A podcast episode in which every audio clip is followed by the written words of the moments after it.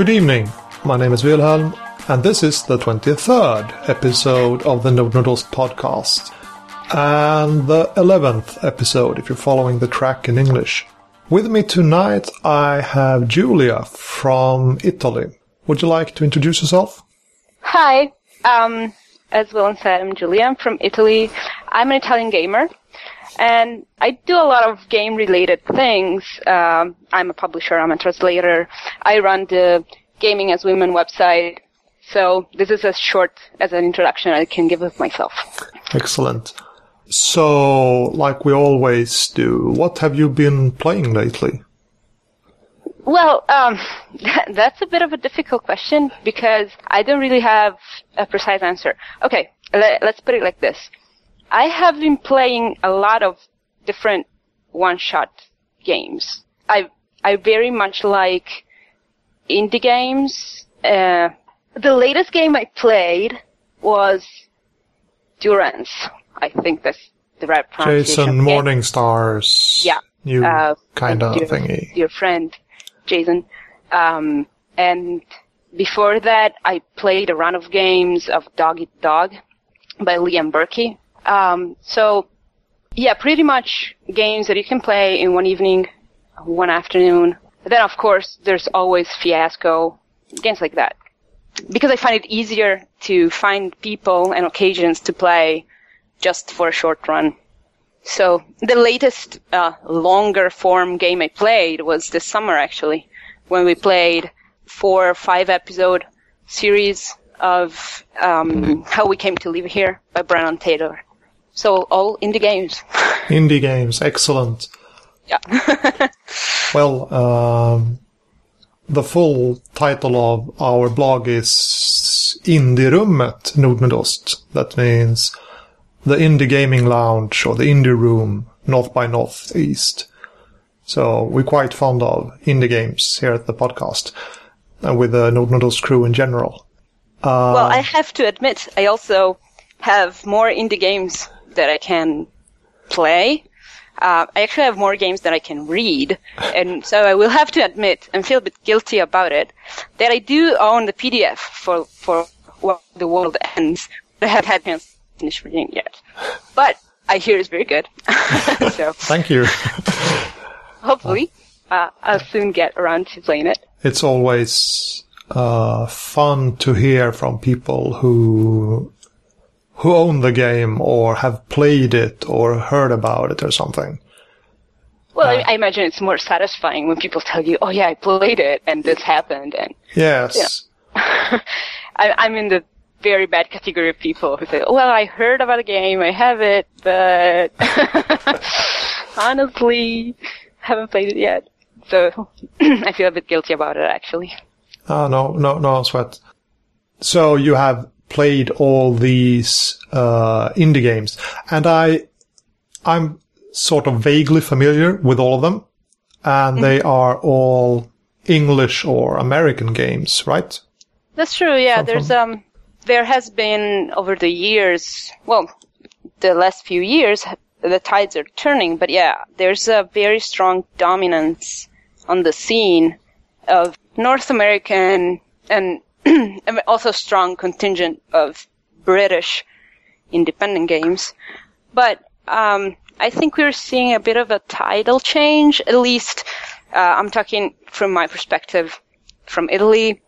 Um, as you know, recently uh, the 2012 edition of Game Chef finished to celebrate um, the closing of the Forge, and this year, together with Master Chef Jonathan Walton, we organized the Italian version of Game Chef.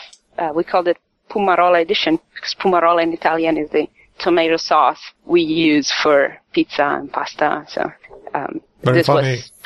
I'm sorry. Very funny.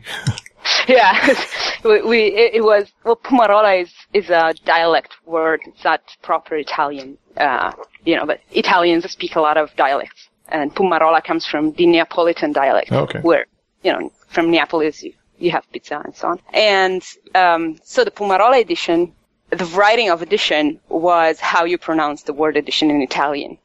So uh, it was intentionally misspelled. And this part of the Game Chef track had Italian authors write their games in Italian. Then we had the internal review, uh, the peer review, like uh, the international version. You know, so uh, everyone got four games to um, to assess, to grade, and to vote for, and then a proportional number of games uh, in relation to the finalists of international was going to be chosen, has been chosen for the Italian edition. So there actually were two Italian master chef, me and Mario Bolzoni, but we didn't have to choose anything, luckily, because uh, votes were such that exactly two two games were selected, which were as many as we could send to the international competition. Which, by the way, I, am sure you know this, um, was extremely successful. Um, Game Chef is here at something like 97 uh, game games participating, and the Italian were 15. And eventually, the winner of Game Chef 2012 was uh, an Italian author, Matteo Turini. Um, so I think this was a pretty big sign of change in the indie community overall. Yes, because uh, this was the first year that there was uh, an Italian version of the Game Chef, and I think it was the first year that there was a Game Chef in any other language than English at during the Game Chef. Yeah, and it actually happened pretty much by chance. So it wasn't really planned. It was a very last minute decision, but the response of the community here was enthusiastic. And, and I mean, the result is for all to see. And I really hope next year this can, this experiment can be taken as a basis to build for new communities. I mean, and, and to bring together the design communities from different countries. That would be uh, awesome. You, you should uh, organize the, the, I mean, the, the, the, the sorry, Swedish. The Swedish. you should uh, organize the Swedish edition. Yeah, I suppose, I suppose I could. I, I wonder if that would help Swedish participation, actually. Uh, mm-hmm. most Swedes think they are pretty good at English. Right. Uh, maybe they somewhat overestimate their capacity, but, but still, mm-hmm. uh, most Swedes are rather comfortable with English, at least in, in my age spectrum and younger. So having, making it possible for them to write the game in, in Swedish rather than English, I don't think that would make the competition more popular or more, more, draw, draw more interest. Well, but, you know, I, I sort of thought that that was the same thing that was going to happen because the Italian indie gaming community, well, there's a lot of people who speak well English and they buy games in English, they play with English players, some, but some of them are not so comfortable in writing in English. They do it, but they wouldn't do it when writing a game. So I, I after we launched this, people were sort of relieved that they could write in Italian. So you might never know. I mean, it's it's true that Sweden is by far better at English uh, than Italy on average. But who knows? I mean, you, you might find somebody, you know, takes yeah, takes that. Absolutely. Thing. Speaking of the Italian version of the Game Chef, I, I actually I looked into participating this year in the Game Chef, and I I got my ingredients. I checked out my threads from uh, the forge, and I, I, I did the, a very very simple outline of a game, and then I said, "Oh, and then I would do this and this and this, and then the game would play like this and this. Uh, it would be a nice game, but I'm more interested in working what I already had started in, in other games outside the competition, so I sort of let it slide. Yeah, I, I think I see what you mean. We've seen, well, apart from the game chef curse and all that, games born from competitions like, I mean, there's there's a couple of really stunning cases, uh, and the Game Chef has brought to really really wonderful games. But some people say that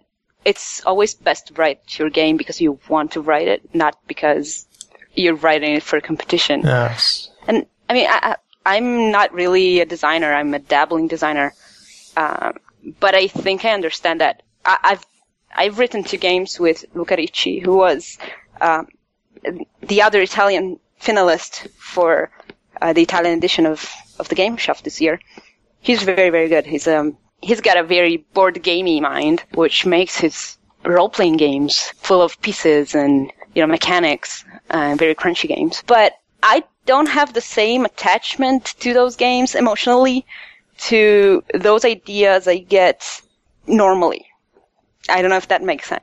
I don't know if you get the same feeling. I mean, when you write something for a contest, it's fun because especially when you have ingredients, you know, to mix yes. them together uh, and find a moment when things come together and make sense. But it's not the same thing as waking up today and think, oh, this is something I really want to write a game about? It depends. Uh, I have uh, done a couple of games, and about half of them have their origins in various kinds of competitions, and the other half are like the wake up and get the cool, cool idea kind of games.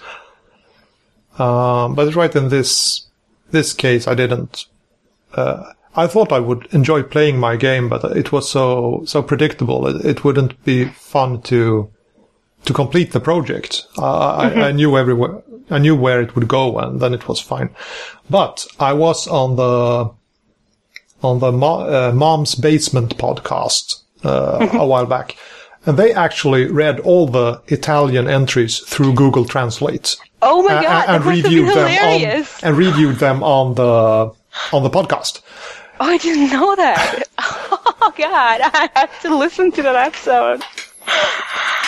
That I thought was awesome. That we now have the wow. technology to to basically it, it, it's written in a language you won't understand at all. But if, as long as you have it in electronic copy, you can just paste it into Google Translate, and it will give something back to you, and you will it, it won't be perfect, of course, but if you right. are a gamer, you can understand the game and you can fill in the blanks because you, you know the, the context of everything.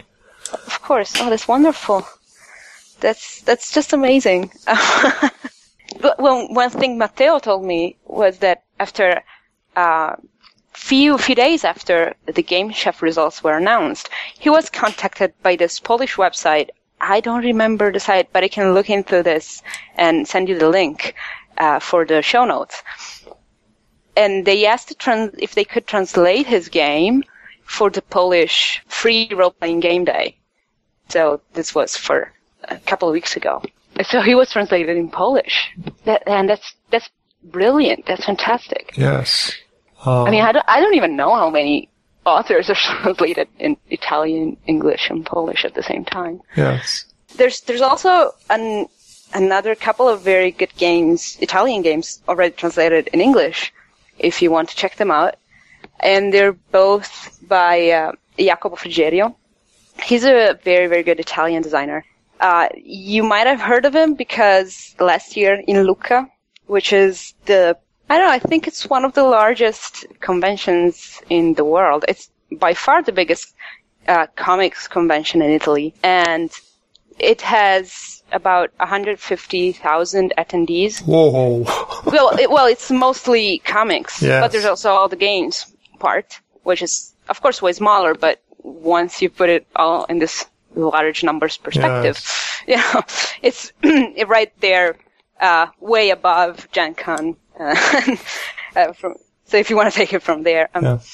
And every year there's this award for the best games.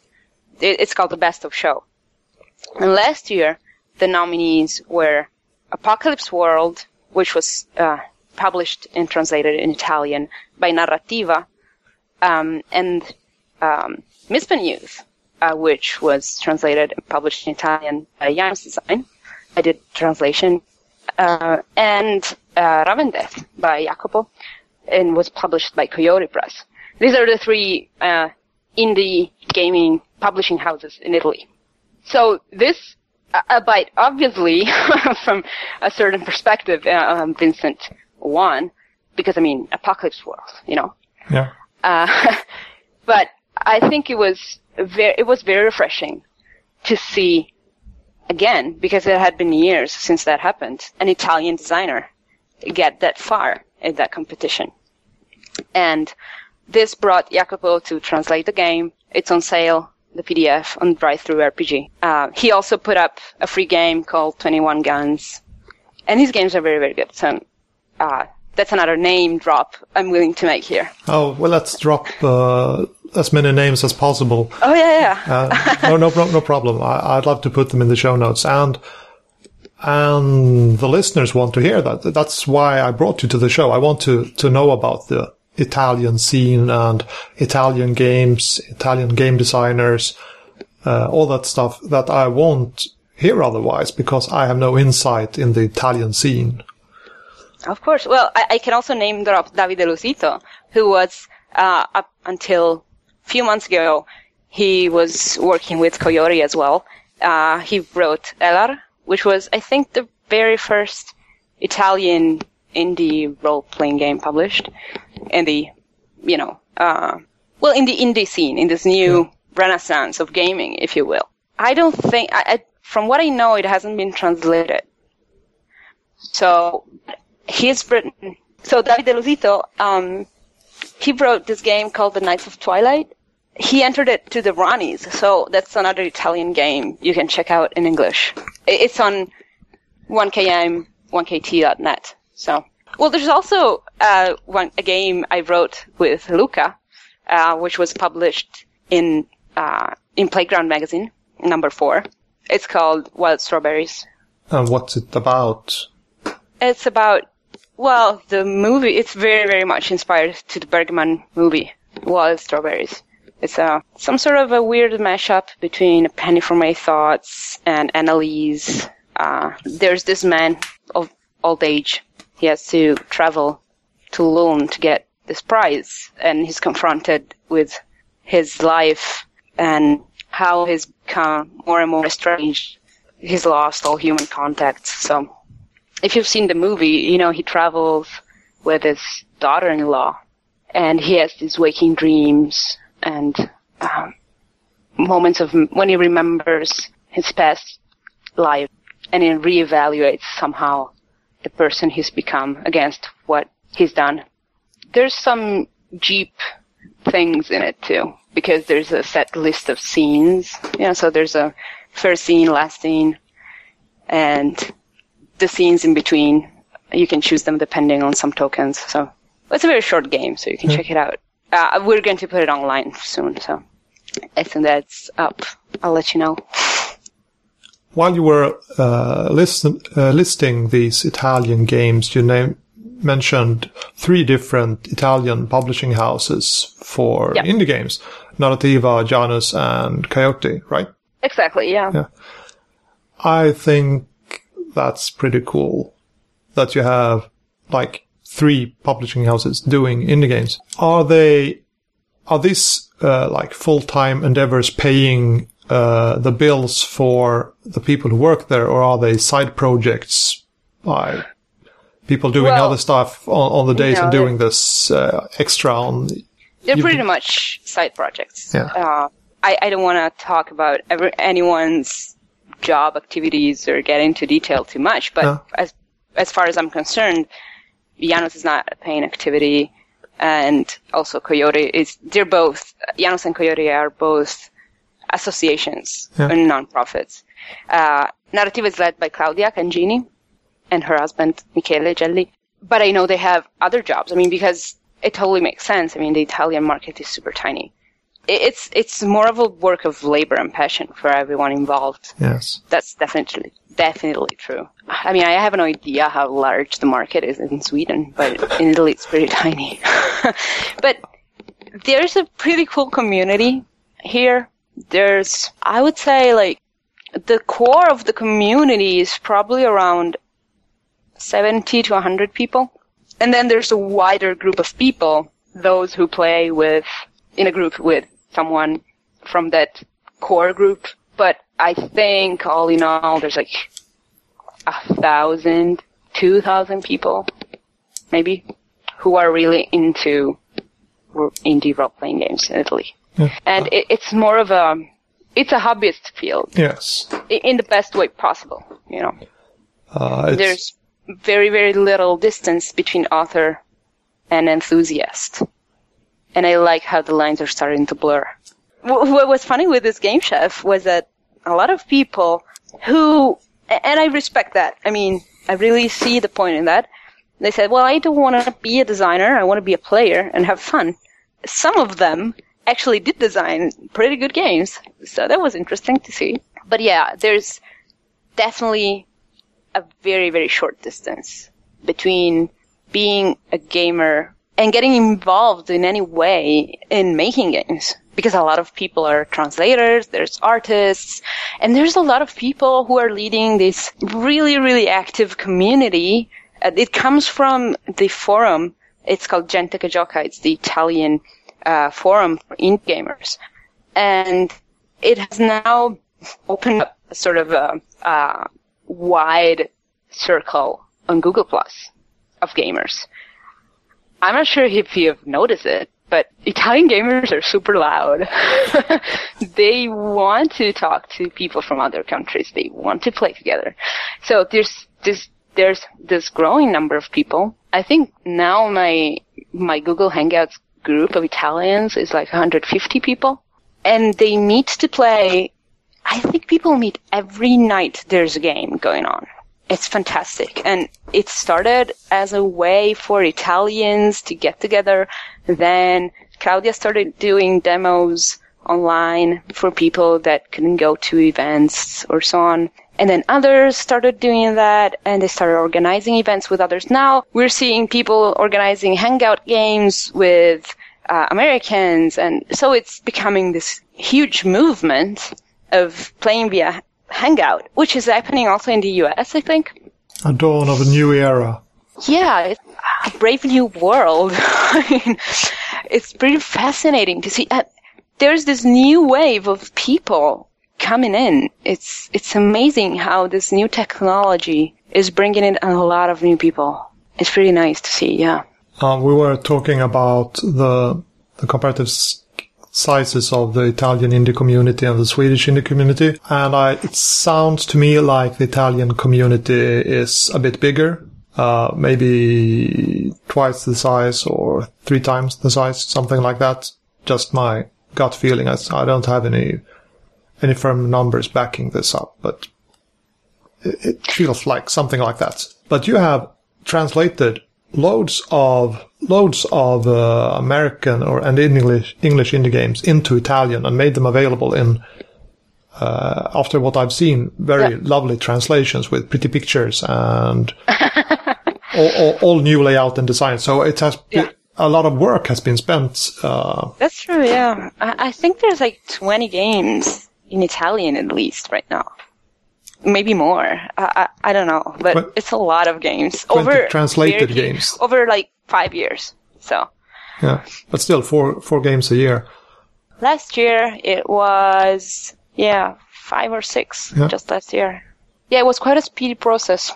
It makes me so happy that these games were made translated into Italian, made available in Italian, and people find it worthwhile to do this because there's a there's a market for for these translations? Well, it's it's also true that um, we had already five or six years of Forge derived games and you know everything peripheric and related to this indie small press gaming movement to draw from. So we could cherry pick like the very best games out there. It, it, it was exciting now we sort of ca- caught up with the scene because so many games came out in the last four years in Italian.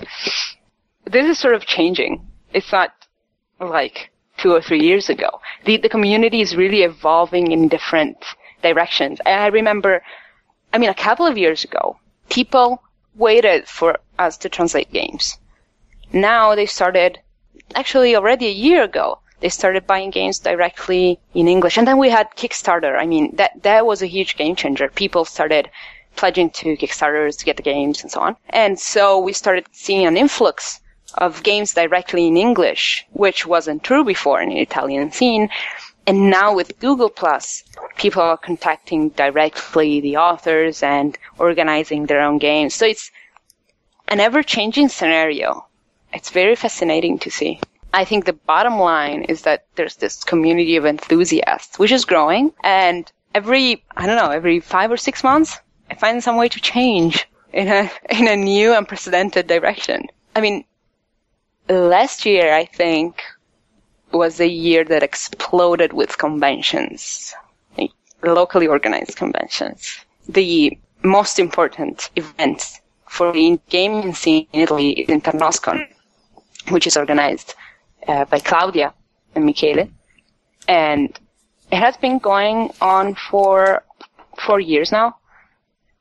But now there's a lot of other conventions organized by enthusiasts of the community. How uh, how big are these enthusiast conventions in terms of numbers of participants and so on? I think they all number between 70. Maybe I'm underestimating yeah. them. Let me check. And then uh, while you're checking, I can talk a bit about the situation here because recently we've been uh, seeing some some very very small house cons, mm-hmm. uh, and they are typically like ten or twenty, maybe thirty people. Mm-hmm. So it, this factor two or three to the scale of the Italian scene seems to hold even on the convention scale. Yeah, that's interesting because that scale. Yeah, I, th- I think it was at least sixty people this year at Internoscon. I can't find the list of the names, but yeah, judging from the picture on the site, that's pretty much how many mm. people there were. But yeah, we also have this t- smaller events. Not not that small though. Yeah, the 10, 20 people. That's a weird size for Italy. I mean, even the other events, the, there's one upcoming is Etruscon in Tuscany, and then September has Gnoccocon. I think they all number above 50 people, I think. Because there's this core 100, 150, which can go, well, depending on, you know, which is the closest to where they live and with the vacation they can take from work, stuff like that. I'm thinking about it, but I can't think of any event that tiny. I mean, 1020 sounds like an intermediate between, oh well, let's just get a couple of friends together for a weekend, which is totally normal, happens all the damn time, and proper convention yeah. size. I mean, how, how do you spend the time at a convention with 20 people? Do you have parallel slots, or do you do I don't know one event with everyone, um, like a LARP or something? I, uh, there are such conventions that I haven't visited, so I don't know how they do it. I host one of these myself, and I've been to one in uh, Norway by Matthijs Holter, the guys who wrote Archipelago 2 and Love the Time of Save and a few yep. other games. Um, and was the editor of Playground magazine. Yes, Playground uh, yeah. magazine editor. Yes, uh, and that con was the home con was 15, 17 people, something like that. Anyway, and then there were three or four games going at a time, simultaneous, and then everyone have supper at the same time uh, at his kitchen table. And where do you organize this kind of events? Like it, somebody, ha- somebody's yeah, house? someone's house. Okay, okay, I see, I see. Now the the Italian format is to find a large-ish location to host everyone to play. There's the emerging need for a secretary because when you have that many people, even if people book themselves for the games, the game slots, you need somebody who directs people yeah. and you know checks that everything is going smoothly and and some kind of conventions with hotels or restaurants. Uh, for example, I mean, the Etruscon and Internoscon, they last uh, two, three days, and they're t- usually tied with hotels. So you have, you can um, book in the in the hotel and then go play, maybe in the hotel, maybe just near nearby. The organizers also plan dinners and lunches for everyone. Internoscon is also organized with the support of the city of Bertinoro, which is where the event is held. So they have very nice spaces and local producers, like food producers, uh, with territory. Uh, I'm sorry, with local specialties. And while uh, which is the one that's going to um, go on in September, is tied to this adorable place, which is a very, uh, it's called La Biasola. It's a, it's a typically Italian place. I don't really know how to describe it in English. It's, oh wow. It's like a tavern. I mean, we actually do have taverns in Italy. Like, these places where you can eat, like, everybody eats the same thing, right? Um, it's cheap. It's got long wooden tables. You can sit outside and just relax. I, I don't know if this exists outside Italy anymore, or it's just inside in D and D. But yeah, I, I mean it's it's more of a easygoing event. Yeah. But yeah, I, I don't. I'm thinking about it, but I can't think about smaller size events than that. And uh, I, I sit here in uh, in Luleå. We saw the last of the snow about one or two months ago. Oh god. Yeah. uh, so now we have our two weeks, uh, two months of summer, and then uh, autumn comes, and then we will have another six months of winter. And I think maybe I should go to uh, maybe I should go to one of these small cons in Italy and have some wine and uh, some I think local you should. food. I think, well, if you want, I can put you in touch with the organizers Yes. of Etruscon is at the end of this month, and Nyokokon is in September. And last year at Etruscon we had Ben Lehman, and so a couple of years ago at Nyokokon there was Graham Walmsley. There was someone awesome last year as well. I and all other international listeners want to know how far will I come with English? Will I be able to enjoy the convention speaking only Absolutely. English and Yeah, find yeah. games every every slot or what all the time at least in playing in English? Well, I think this might have come from what I said before, but the Italian community is super, super interested in getting in touch with people from other gaming communities. So they're going to go out of their way to make guests feel welcome. That's normal Italian behavior. I mean, Italians are going to feed you to death if they can. So that's normally Italian. But when you go to a convention, then, then everyone is going to make sure that they can run an English friendly game if there's guests uh, who speak only English. And yeah, I, th- I think absolutely any foreign guest is going to feel at home. Uh, everyone who's been to Italian conventions was super, super happy. So if you can, you know, Yeah. think about it. Yeah, I'll, I'll think about it. Um, I remembered who the guest, the foreign guest was, the last. It was Gregor Hutton. okay. Um, some numbers. 313, 613, something. Yeah. 316. 316, yes. Hilarious, man. I don't know if you met him in person. No, no, never. I met him last year in uh, Essen, where I also met Eero, who had the Arkenstone publishing booth. And it was where I saw the best indie gaming library ever. A collection of indie games, which is impressive. Yes. He has everything. Literally everything. I bought 20 games from him. Probably. That's why I have so many games I can't read and find time to read because I have so many. Yes, it's a, a, a very fine collection. If I recall correctly, he has While the World Ends in it. So, Yeah. yeah. He also had games like The Dreaming Crucible, which is nearly impossible to find in Europe because it's so, you know, it's it's so carefully handmade and very, very few copies. So super difficult to find. Yeah, I bought a lot of stuff from him. and then, and then it was also Essen Spiel, so Yeah. I spent like a ridiculous amount of money there. But yeah, I think we should have more moments of interaction between European gamers. yes. Uh, we, uh, we were talking about, uh, about games and translations and so on, and I got a bit, uh, distracted. But, but, and this is the thing. I uh, am happy to see that English games are translated into Italian, but I'm even more happy to see Italian games translated into Polish and English and, and so on, because uh, as we said earlier, there is such a huge domination of of British and American game designers.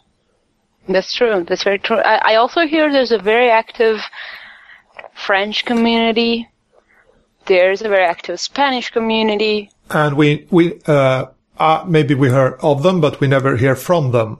Right. Well, we got in touch, and by we, I mean the Italian community that goes around the Gente che Gioca forum. I think via Paul Czege, they, he knows people from everywhere. so he sent some uh, French gamers uh, and authors and indie authors to the forum, and those are the communities are I'm currently most interested in because I mean we know about how you know the wonderful Scandinavian community. I mean, a myth, uh, it's a legend. Yes, you know? um, with the caveat at that uh, you know of the the LARP community. Right. In, in, that's true. Yeah, yeah, that, that's very and, true. and that is not exactly the same thing as right. the indie community. There's some overlap, of course, but uh, it's it's quite different. And if you went to uh, J Random, like these Jeep guys and so on, yeah. and and tell what do you think about the Swedish indie scene, and they would say, "What indie scene?" yeah. I, I, I, I suppose I, have played uh, While the World Ends with uh, some Jeep, some of the Jeep guys, so the, maybe they re- will remember it. But but generally, uh, these are different circles with very little overlap. That's interesting because I mean, there's there's a LARP scene in Italy, the uh, flying circus scene, but pretty much everyone knows each other. So people overlap between communities quite easily here. I mean, it's it's odd that it doesn't happen. This, the, the same doesn't happen in you know in Scandinavia yeah. in general because it seems from the outside. Yes. You know, that there's all of this, you know, there's Jeep and Indie and LARPs. Yeah. And it's all uh, Emily Care Boss's fault. because she, she, she went somewhere and, and, and then she wrote about oh the the it's Jeep form the Nordics all about Jeep form um, I, I, um, I mean, uh, from uh, what I know of Emily, I don't think anything can be her fault. She's, such, no, she, she's so good natured. Yes, uh, it, I, could, I could never put Emily and fault in the same sentence. No, no, uh, it, it, was uh, said with with with all my love, of course. Uh, yeah, but but my a, a friend went to Australia. Uh-huh. And oh, you're from Sweden. Let's play Jeep games and he's yeah. not the Jeep guy. He's like, um, well, maybe we can, I can look it up on the interwebs or something. But, uh, so there are definitely different communities here and we are known for a community of which I am not part at all. And there's, so there, there's more here than. Yeah, that's, that's so strange. that, feels so weird. Um, I mean, it's, it's difficult to understand, uh, from here because yeah. there's, right, I mean, as I said, the Italian community is made up of a lot of different gamers. There's a very, still a very, very strong number of people who mostly play D&D, of course. I'm pretty sure it's the most played game in Italy. But there's a lot of people who play D&D and indie games. There's people who play LARPs and indie games. A lot of mixing and interaction going on. Because I mean, I we feel that it's a small community. Now, from what you tell me, it's not that true. That uh, small community necessarily end up being all mixed up together. we'll just chalk it up to a stereotype about how you Northern Europeans are cold and we are all Italian friendly. Yes, yes. Let's let's, let's do that. so what what's the most played game in Sweden? Had you asked me maybe 10 years ago, I would, it would have been very easy. I would say uh, Drakar och Demoner. Uh, a fantasy game using sort of the same rules as Call of Cthulhu. Oh, okay. Yeah. And it has I been. I think you mentioned it in the interview you did with Vivian. Yes, it has been around since the 80s and, uh, oh. and in different iterations produced by different companies and so on. But, uh, but these days, I don't know because the market is much more fragmented these days, and there are there are many small players, but no big players left. Yeah. Uh, well, there, there, there's uh, Neo Games who do their thing, but they haven't released a game in years. There, there are, as I hear, working on them, and they have been working on them for years, but nothing ever comes out. So, uh, I, well, some people play Dungeons and Dragons in the different iterations. I suppose it would be a big game there are retro gamers here playing old iterations of Drakar och Demoner and Mutant and so on, but I couldn't say which game is the most popular anymore. Yeah, I think there's also, you know, a lot of people who started playing something, you know, 20, 10 years ago, and then they're just satisfied with that. Yeah. I, I know a lot of people like that. Like my boss, he's a D&D player. he's been a D&D player since the Red Box.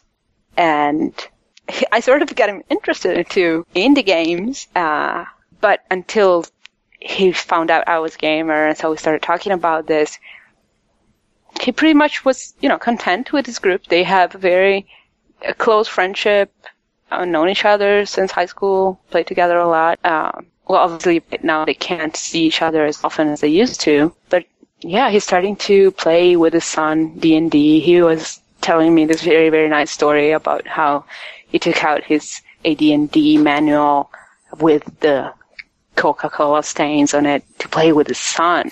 You know, so there's all of these people who played, started playing years ago.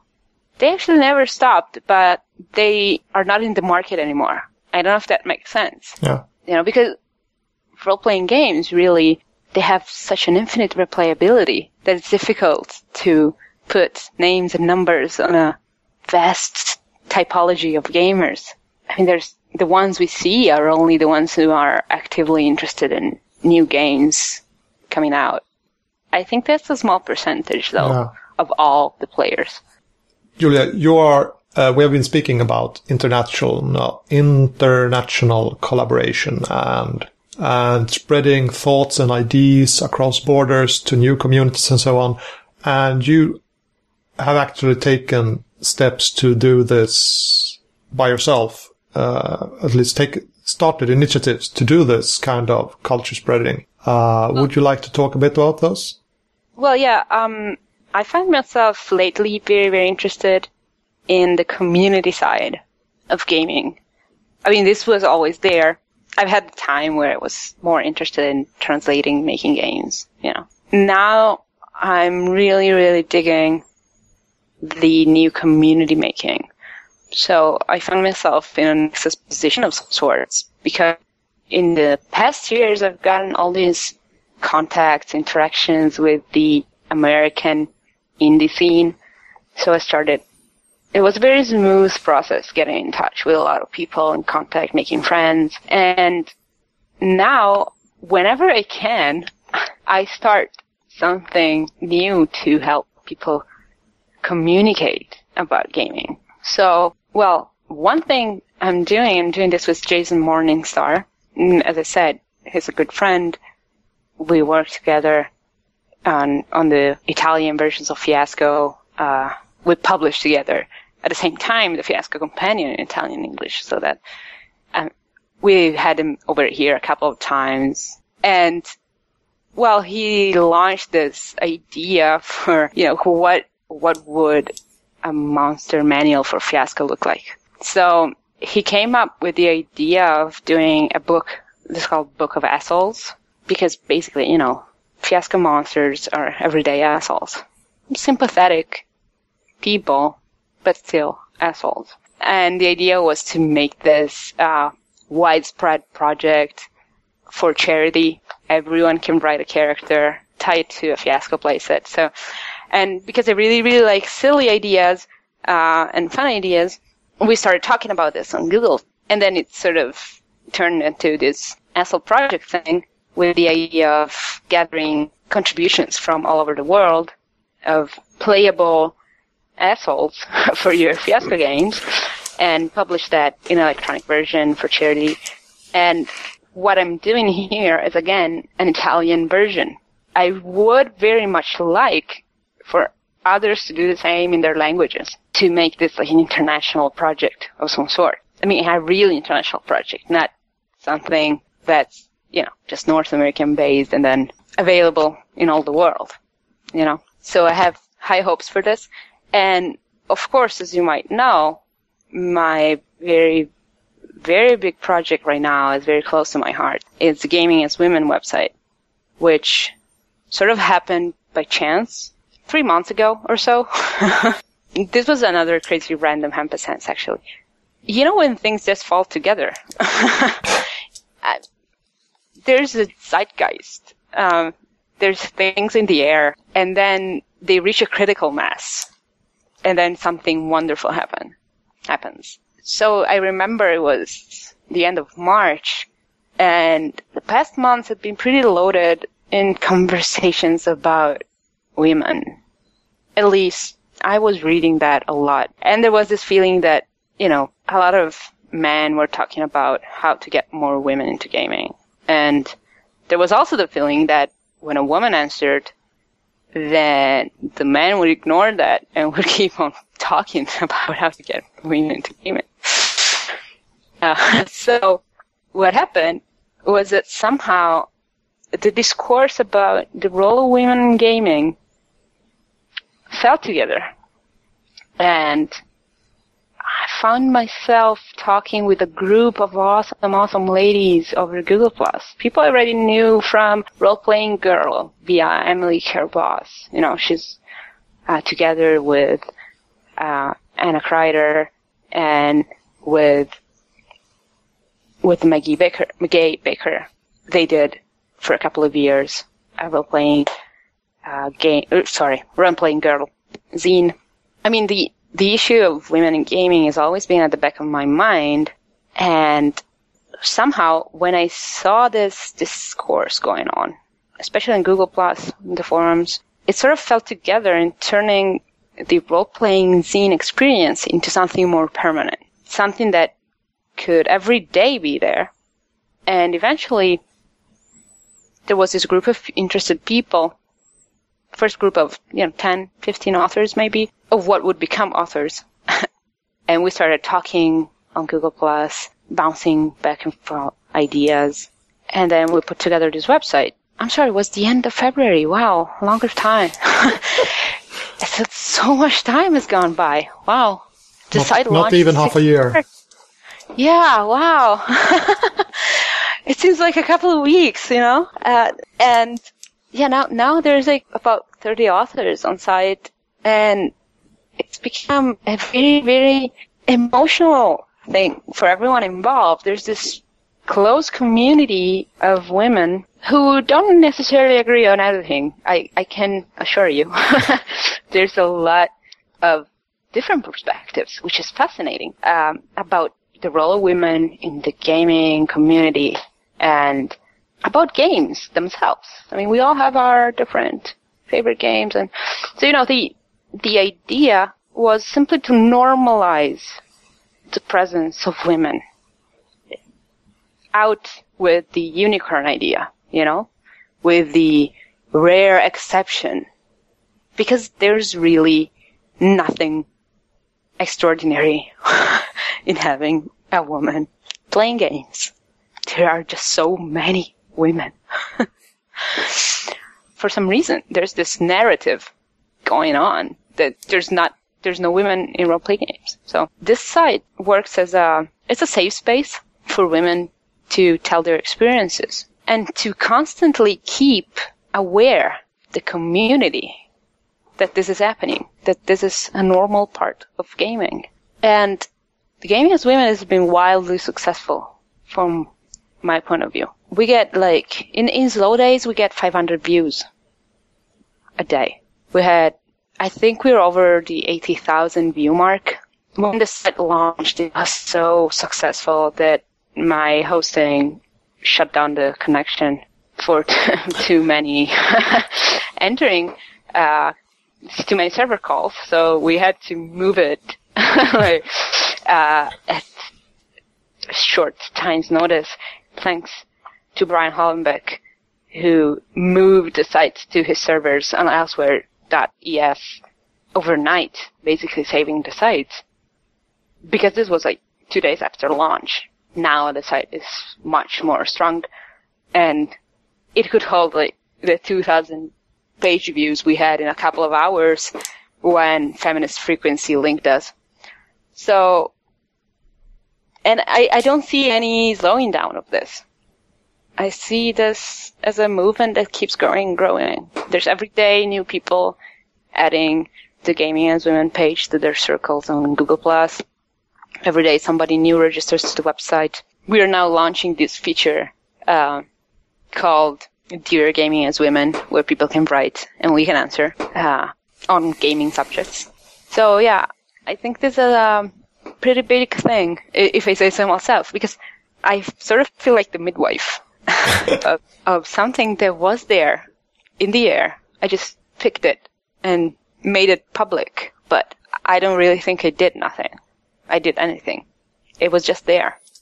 And another thing that I'm trying to do is to make gaming as women a beacon for inclusivity and variety in the gaming world. Um, one thing, um, as I mean, as we've been discussing all this all the evening, is that for me it's very important to have different voices, you know, in the uh, gaming community. So one very very important thing for me is to have voices that differ from the North American gamer because there's so many other perspectives. So there's I'm glad that there are two other Italian women writing on the site. And there's also, of course, Ellen, who writes some incredibly popular articles. And she writes and, about sex, and that always sells. So yeah, that's true. That's you know, I eventually I'm going to write the you know the classic article that blogs do when they don't have ideas. So you know when you'll see it, it's because we didn't have anything else to publish. they do that they run an article about uh, with the keywords that people use to find the site. They're very strange. there are some very very weird keywords there. Uh, some are very some are very refreshing. I mean, you can see that people get to gaming as women by actually looking for support uh, of their being what they don't perceive to be a normal gamer. You know what I mean? but yeah, uh, a lot of people come in looking for sex. but that, that happens on, on all the internet. I mean. but seriously, I mean, I, I, very much like this article that Ellen wrote recently. Yeah, I just wrote a response to that. It's going up in a few days. Probably will be up before the podcast runs about language in role-playing games. Because, well, Ellen's point was that right now there's a very dif- big difference between those who speak English and those who don't. And that's a gap I'm trying to figure out how to bridge. And, and things like, you know, the Pummarola edition of Game Chef and also of the Asshole Project go in that direction, but I'm not sure that's enough. So Ellen obviously made a very fine point, which is you have Google Translate, you know, so do you want to know what's going on in other gaming communities? Well, use that because that's the technology you have. And as you said, I mean, the Moms Basement podcast did that for the Italian game chef. So mm. I'm very, very glad to know that, that that technique is coming in. But one thing I'm I'm arguing in this new article uh, I've recently worked on is that if you can somehow know, I mean, you don't need to know other languages, but if you can at least try and know the basic structure of other languages, you can see how there are different thought structures somehow, how there are different ways of expressing things, which always gets lost in translation. I mean, I know you've translated games, right? Yeah. You know how it's never the same thing. Even if the two languages are close, right? There's a feeling in the original text. You can never bring exactly in the same way in the final language, in the destination language. You can make something similar, but it's not the same thing. Is that your experience as well? Um, yes, and for for the sake of the listeners, then I have done translations of Love of the Time of Seið, uh, Monsegur 1244, and Polaris into Swedish. Um, well, so let, us take Polaris. I mean, um, we published Polaris in Italian, so it's something we can relate to directly, yeah. right? There's a lot of atmosphere. Yes, and I translated it with uh, a specific purpose. Uh, you saw uh, at least a, a, potential market for the Polaris in Italian, so you, you did a full-out translation with all the with everything, and it looks lovely. Yeah, it's beautiful. But we had a different goal. We said uh, we want to uh, have a translation that is good enough for convention play. Oh. And then when when people have tried it and they say, "Oh, I like this," they can go and buy the the full English edition of the game because uh, English or Swedish it doesn't really matter in this community when it comes to reading materials as well, at least. So, so why why would you translate it in the first place? Um, to uh, to make it more convenient for uh, for the convention convention setting. Uh, so because there's you know a lower barrier than here, but still you know a small barrier. Yes, a small, a small, a small barrier. And I didn't think that uh, Polaris was all it could be. Mm-hmm. Uh, I didn't like the character sheet at all. Mm-hmm. Uh, so we did uh, a new character sheet, which we think is much better and more suited for for convention play. Mm-hmm. And we did uh, our translation or my translation then of of the game. It's just two or four pages, something like that. It, it gives you the bare minimum oh. of what this is and how to play it. It uses almost the same rules, but it's very geared toward convention play. You can learn it in five or ten minutes instead of spending so much time reading the actual book. But surely you have translated the ritual phrases. Yes, the ritual phrases are translated. And there I encountered how, how this. that uh, work for you? there I encountered this that you, that you speak of, that you can get something, but it won't be exactly the same because languages are different. They provide different tools. It's not the same it, it is similar. It gives, uh, well, a, a, Swedish experience of a Polaris thing, but it's not exactly Polaris because there's some nuance, nuance sh- uh, shift and so on in, in the translation.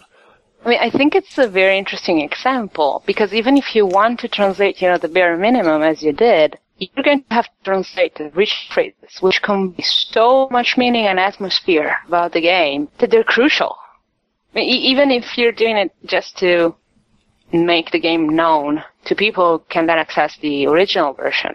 I think it's still very re- relevant how you translate those sentences, those few key sentences, because I mean, when when I explain the game to people, that's the first thing you tell them, yes. right? Because you want to tell them about the, the elegance of this exchange of sentences, you know, this word duel it's always the thing that hits people's imaginations the most. So I think that is a very, very crucial example of the relevance of the original text and how translation can make it or break it almost. Yeah.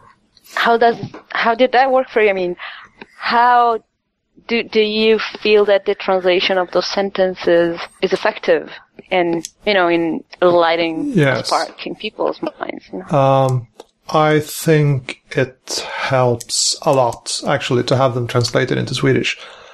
I don't know, well, I have my suspicions, but when we think in, uh, when I as a Swede think English and English words, English concepts, I am so very easily drawn into a train of thoughts that lead into American action movies because that is such an, a large part of uh, the way we experience the English language here.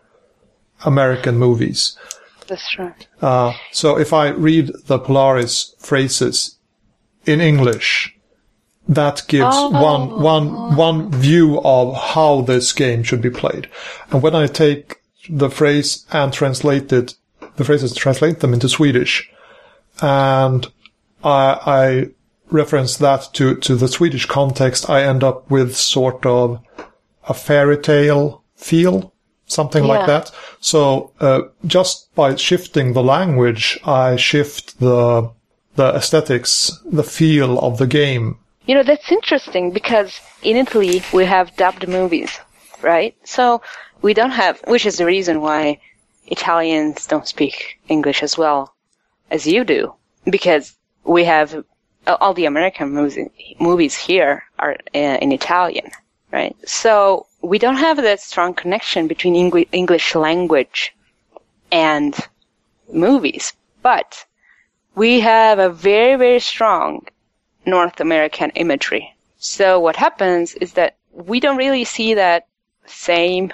uh, experience you described, like the sentence that brings to mind Hollywood movies, but it's very difficult and strange for people to play in Italian settings with characters with Italian names. When they do, I mean, I've done this, it's very weird because you have to it, it feels somehow faker than playing in an American setting because our fiction is so entrenched, so depending on the United States for entertainment that it's way more easy for us to imagine, for example, American cops. Not the real American cops, you know, but the fictionalized version Yeah.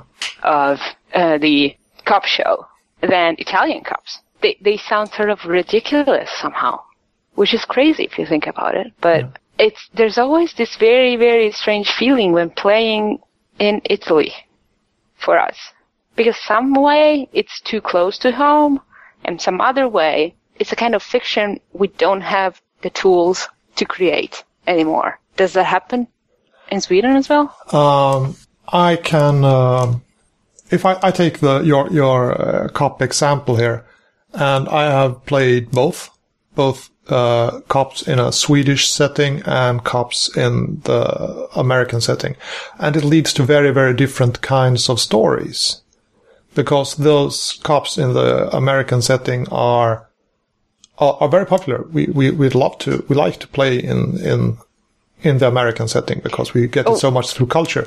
But it is different. Those police officers, they are not the, uh, you couldn't take a character from the American setting game and put him in a Swedish setting game without it feeling, he feeling out of place. He wouldn't fit there Right. because he comes from a different con- cultural context. And it, it's not just that he will have a funny accent, but, but he will not fit because he faces other kinds of problems, of different, Have you seen the movie Cops? The Swedish movie Cops? Cops. Uh, no, I've seen trailers, and it's uh, so I think I, I know sort of what it is. Uh, it's- uh, and it's, It's hilarious. it, it's a fantastic movie. Yes. You should absolutely watch it. I mean, it's funny translated. I have no idea how it, it must be hilarious Yes. in, in original. uh, uh, and that movie uh, takes exactly they they Yes. they they take the the what we expect from uh, an American police officer through Yeah. our cultural and place that in a Swedish context, and it feels so very out of place, and that's why it's funny.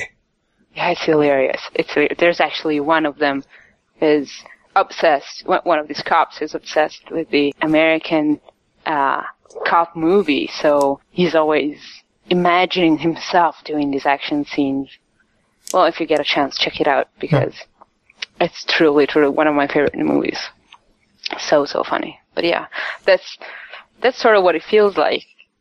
I, I think that movie is a fantastic example of this kind of clash between our realities and these imaginate, eh, sorry, this imagined culture we share because it all comes from, from North America, but it doesn't map to our reality. So in our imagination, there's this clash between the two. Yeah. Well, uh, I I will lay awake tonight thinking about uh, what what we've just been speaking about and how how language and culture affects our games and stories and expression. I wonder about, because that's, that's actually very interesting. I think a lot of people. Oh, one thing that happened to me whenever I translate a game, it, especially a game I've played already in English, it's so so strange to put it in Italian. It feels almost unnatural.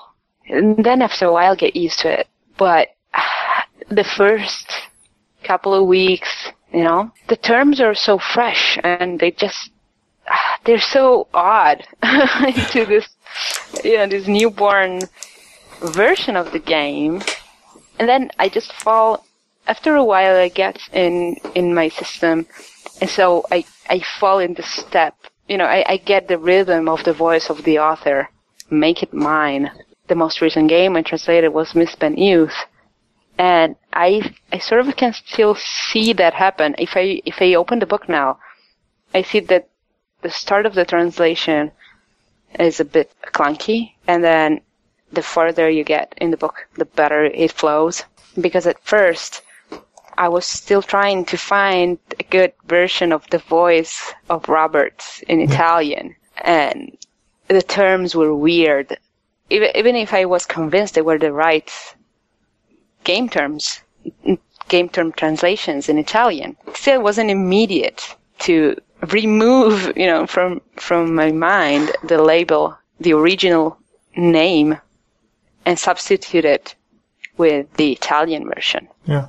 So, and that's actually why I think that when you play a translated game, you're not really playing the same game oh. as the original game.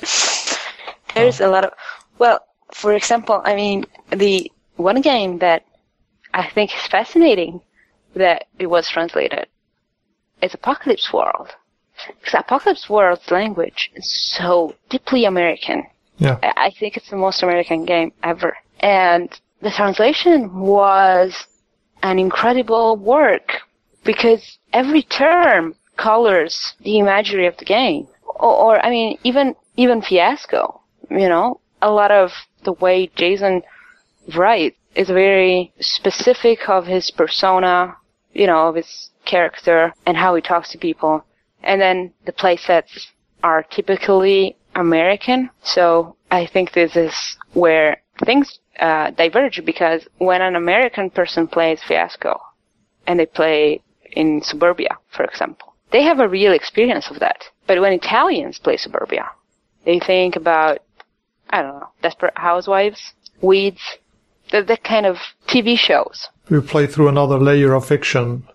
Yes, yes. There's an intermediate filter, which I think really changes a lot. And this goes both ways.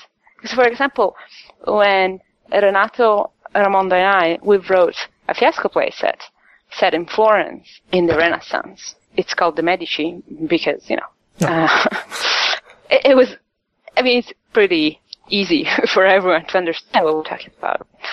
Uh, and because for us, it's very easy to imagine fiascos going on at the Medici court in Florence. And this was very interesting because we had in mind a series of Italian films from the 70s, some of them set in the Middle Ages, some of them uh, in the Renaissance. Basically, these movies all portray a typical, this uh, Italian style comedy, which is a comedy of uh, poor, ignorant people, honest, some of them some of them trying to make do with what they have. So for us, it was pretty much easy to go from one thing to the other, right? But then we wrote the playset. Jason and Steve were super happy to have that setting. And then we wrote the introduction to the playset.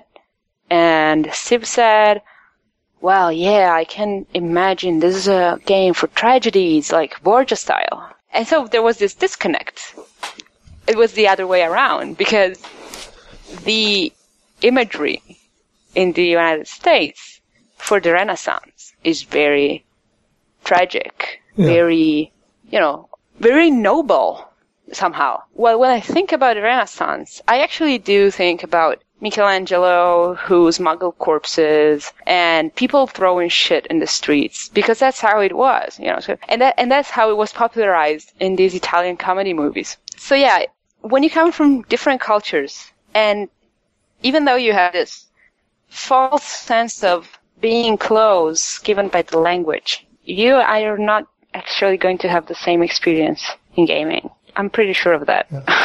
a, Unless maybe if we actually get together in person and play together. Yeah, I think that's the only way to see the difference. I mean, I've, I've played with Jason, I've played with Robert, and I have seen some differences. So in in style, it would be more interesting, you know, if when choosing something that is not part of a shared imagination. In those cases, I think that the differences would come out the strongest. Would have to. Would be nice to play the Daughters of Verona because it's set in Italy. I know, I know. You should. I, I wonder what happened if you played it with Italian. I and, think you would uh, be surprised. And then it's set in Italy, but it's written yeah. from a Swede's yeah. perspective of an Englishman's perspective of Italy. So it's gone through two cultural layers already. And then to bring it back to Italy, to have actual Italians play it, it would be, uh, it would be lovely to, to hear about that or even to be in that game and play with them. Very, yeah, you know, come full circle through all those mirrors and reflections yeah. of different cultural lenses. And then in the end, I wonder how recognizable that image of Italy is, you know, after yeah. doing all those steps, intermediate steps. But yeah, this is pretty much the biggest thing that's on my mind lately.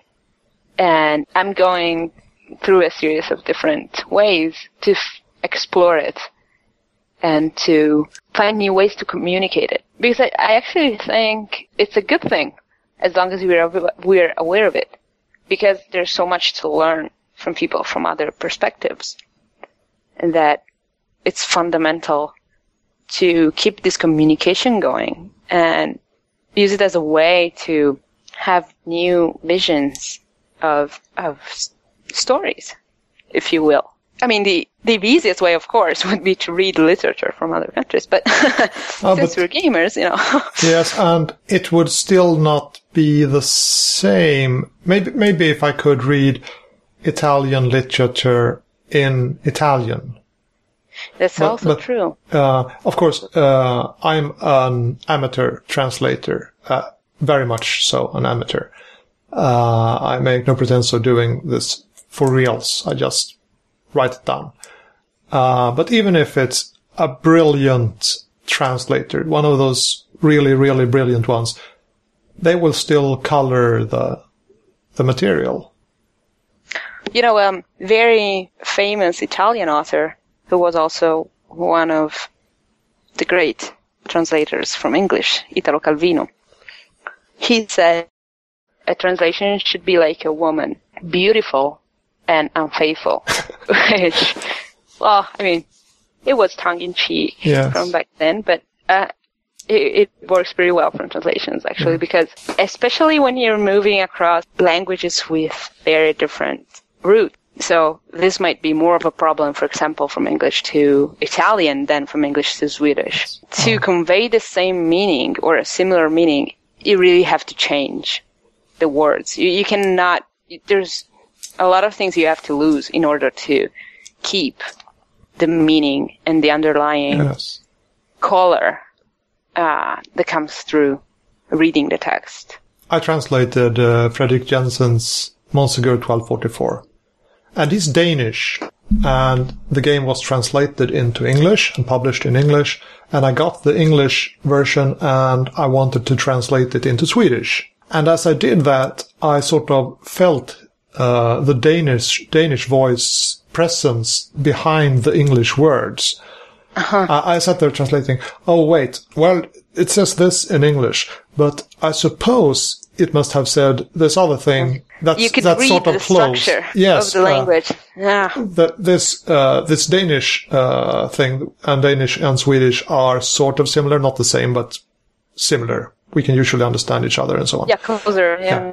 yeah. So uh, I, I, looked at it and, well, then in my translation, I will not base it off, off what's actually written in the English, but from mm-hmm. what I think he wrote in Danish, in the Danish original.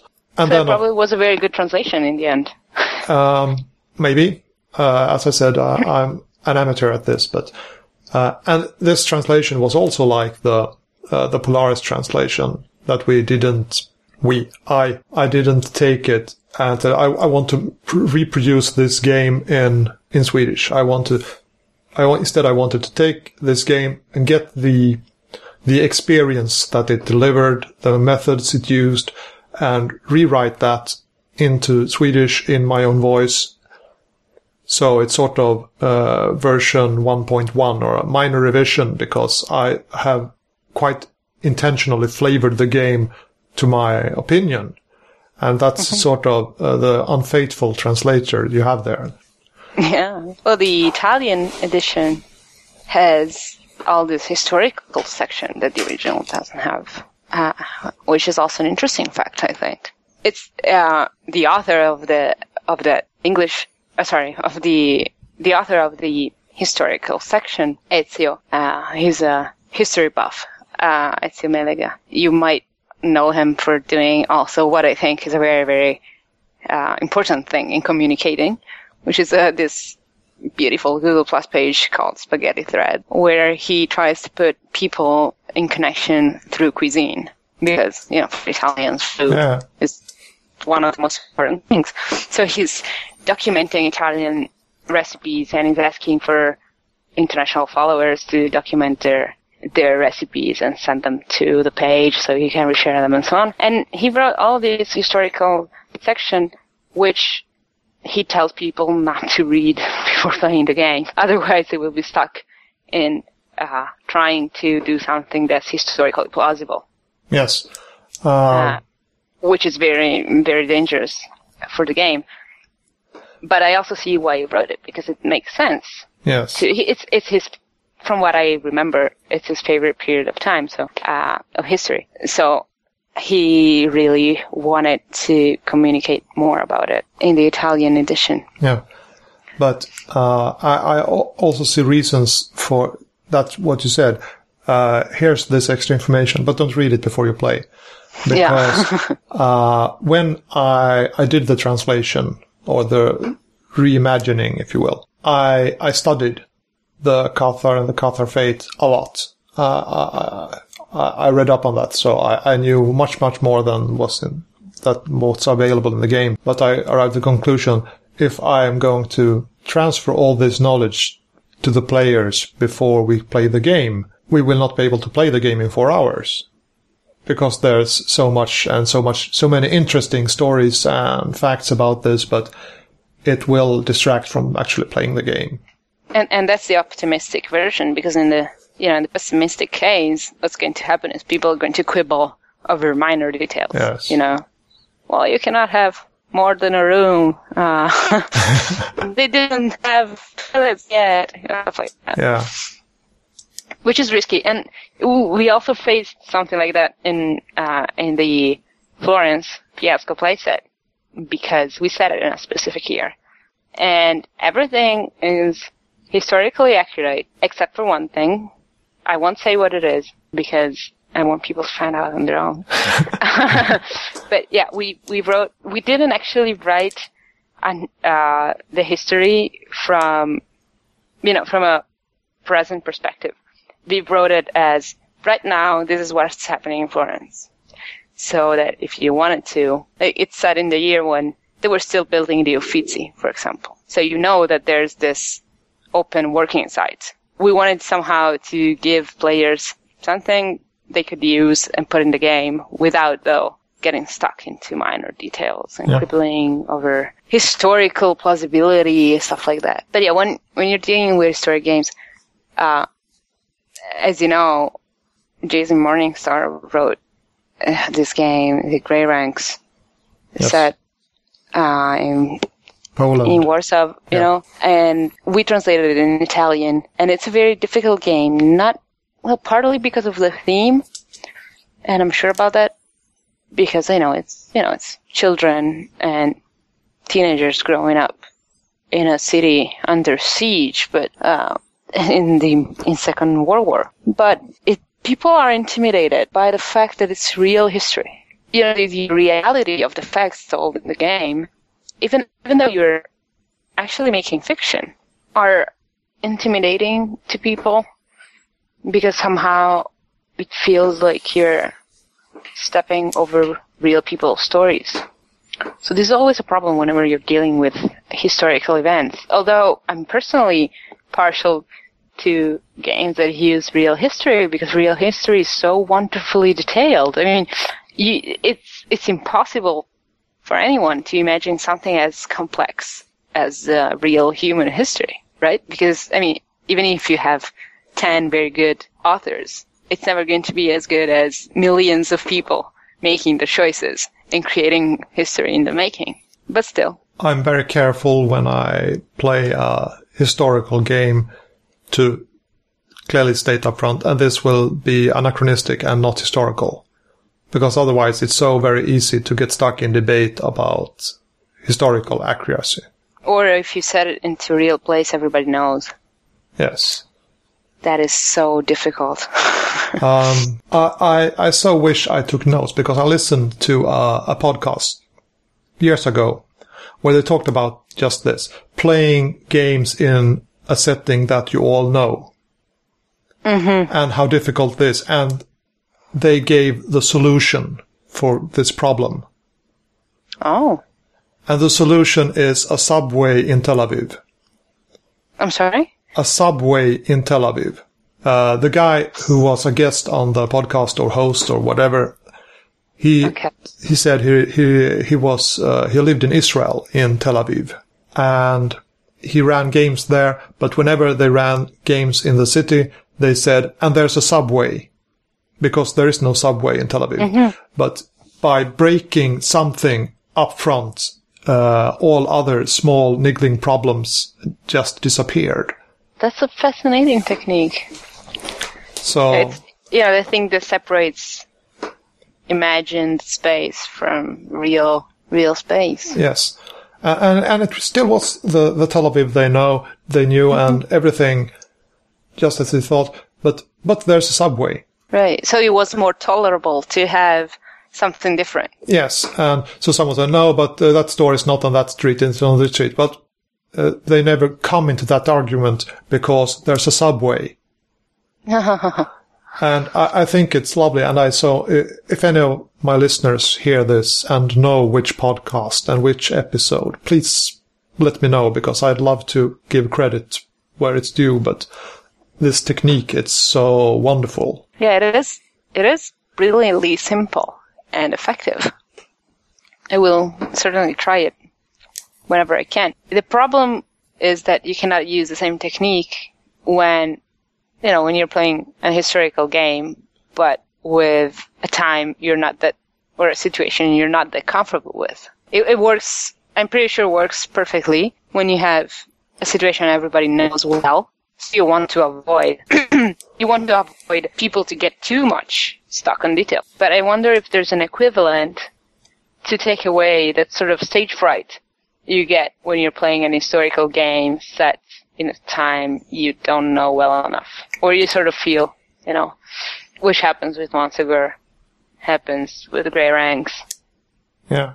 I mean, if you're not an expert or you don't know the history of the time and so on, then it's very difficult to get into the game without feeling, ah, I don't know enough about this. so, uh, I wonder if there's a similar kind of technique that can take that sort of stage fright away. Yeah. Because, I mean, one of the possible techniques is what Jason Morningstar did for Durance. Take a historical fact and make it a science fiction game. Steampunk. It's well, the 19th yeah, century, no, but trains sorry? can fly.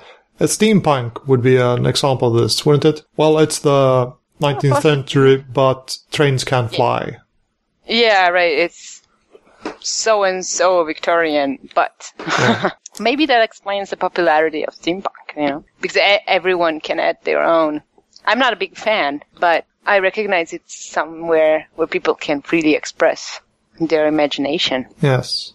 But yeah, adding that fantasy, if you want, you know, that element that says, well, this is all like the real world, but for one thing. Maybe that's all it takes. Yes. after all, we're pretty comfortable in playing Cthulhu in the 1920s, right? Yes. I mean, and it's not like Lovecraft gives you a precise image of the culture of the United States in in the 30s. uh, it's all through his paranoia yes. and whatever. But once you have the noir movies image in your mind, and you have the Lovecraftian monsters idea, then everything else isn't that important. Yeah, I, I've seen people say, well, how much was a dollar? Stuff like that. But as long as it makes sense, sort of, people don't really argue too much oh. On the details of historic feasibility of the games because, you know, tentacles. so are, are, the tentacles then uh, our subway? Yeah, right, maybe. At least, at least in horror games. and then, well, also vampires. Yes. Are power te- powerful technique. I- have played this LARP, this vampire LARP set here in Torino, but because there were vampires, then even if, you know, that road wasn't exactly there, it's not like people did care too much. It, it, was nice to see the historical touches, you know, explaining the story of the city through vampires did it. Yeah. But it kept away all the minor quibbles that come with a fully historical setting. Supernatural is very easy to use to set yourself apart from real history. Yes. And, well, of course, science fiction. So you take a situation, you know, shift it in time. So that's, that's what Durance does. Takes the Australian colonization and moves it in the future. Uh, and suddenly it's a game that's easier to play because it's not real stories, even though it's extremely transparent from the game that it, it talks about that. But people find it easier to play it than if they had to play the actual colonization of Australia. We've been talking for two hours about possibly everything. it's getting uh, late here. I have two hours of material, and I think it's time to wrap up for this time. I'd love to have you on the show again, but my uh, my voice is wearing down here. Yeah, I can hear that. so, um, I actually think I will have to spend some time putting together some show notes uh, uh, with everything we mentioned. I would love that.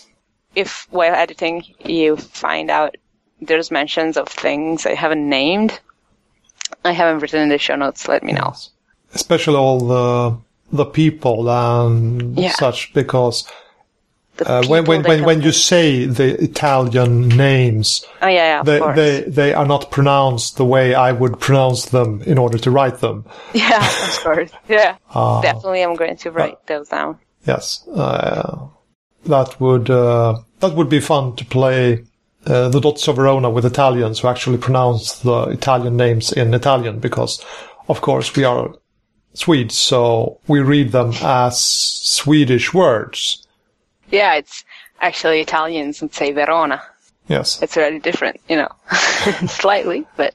Yeah, uh, and for every single word, it I will mispronounce it then if I go to Italy. But maybe it's the subway that makes it work for them yeah, you yes. can put a subway in Shakespeare. it's totally going to work. yes, it, it's just like the proper Verona, but all the names are pronounced in this very strange way. but all the names are Swedish. Huh. Yes. it's all like IKEA everywhere, yeah. Yeah.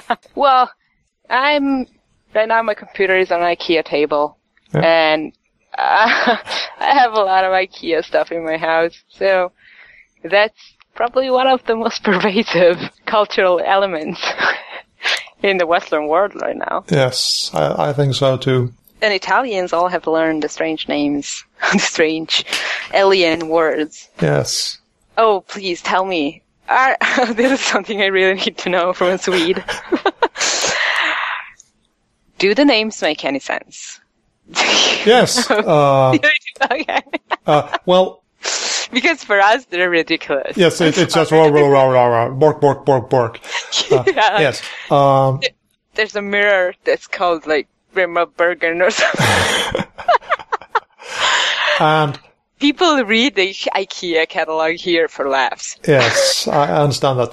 Um, actually, there's sort of a system to it. I I don't have an IKEA catalog in front of me, so I, I can't uh, give exact examples. But for example, all carpets are named after Norwegian cities. Uh, oh, oh, I And-. Oh, yeah, there was a car. And uh, I, I guess if I bought a pillow from IKEA, it would be called gosig, maybe, which is the best it means cuddly, a cuddly pillow. So it's uh, words and names that either words that somehow reflects the nature of the item or place names that. See, uh, this is the same thing we were talking about before. I mean, you look at an IKEA catalog and you see words that have real meaning and you see the name of the pillow. I say, oh, this is a cuddly pillow. and I see this name that echoes of Vikings and, you know, runes and, uh, Thor. yeah. like, I'm like, oh, this is a badass metal pillow.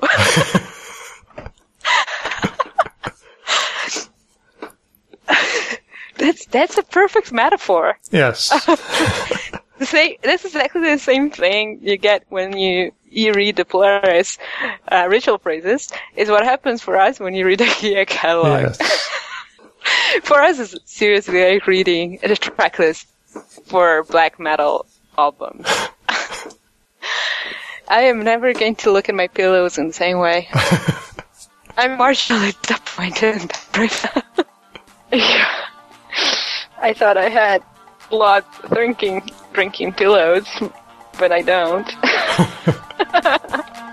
It was great to have you on the show, Giulia. I had a lot of fun. It was very, very nice for me as well. I think both of us are walking away from this with new perspectives.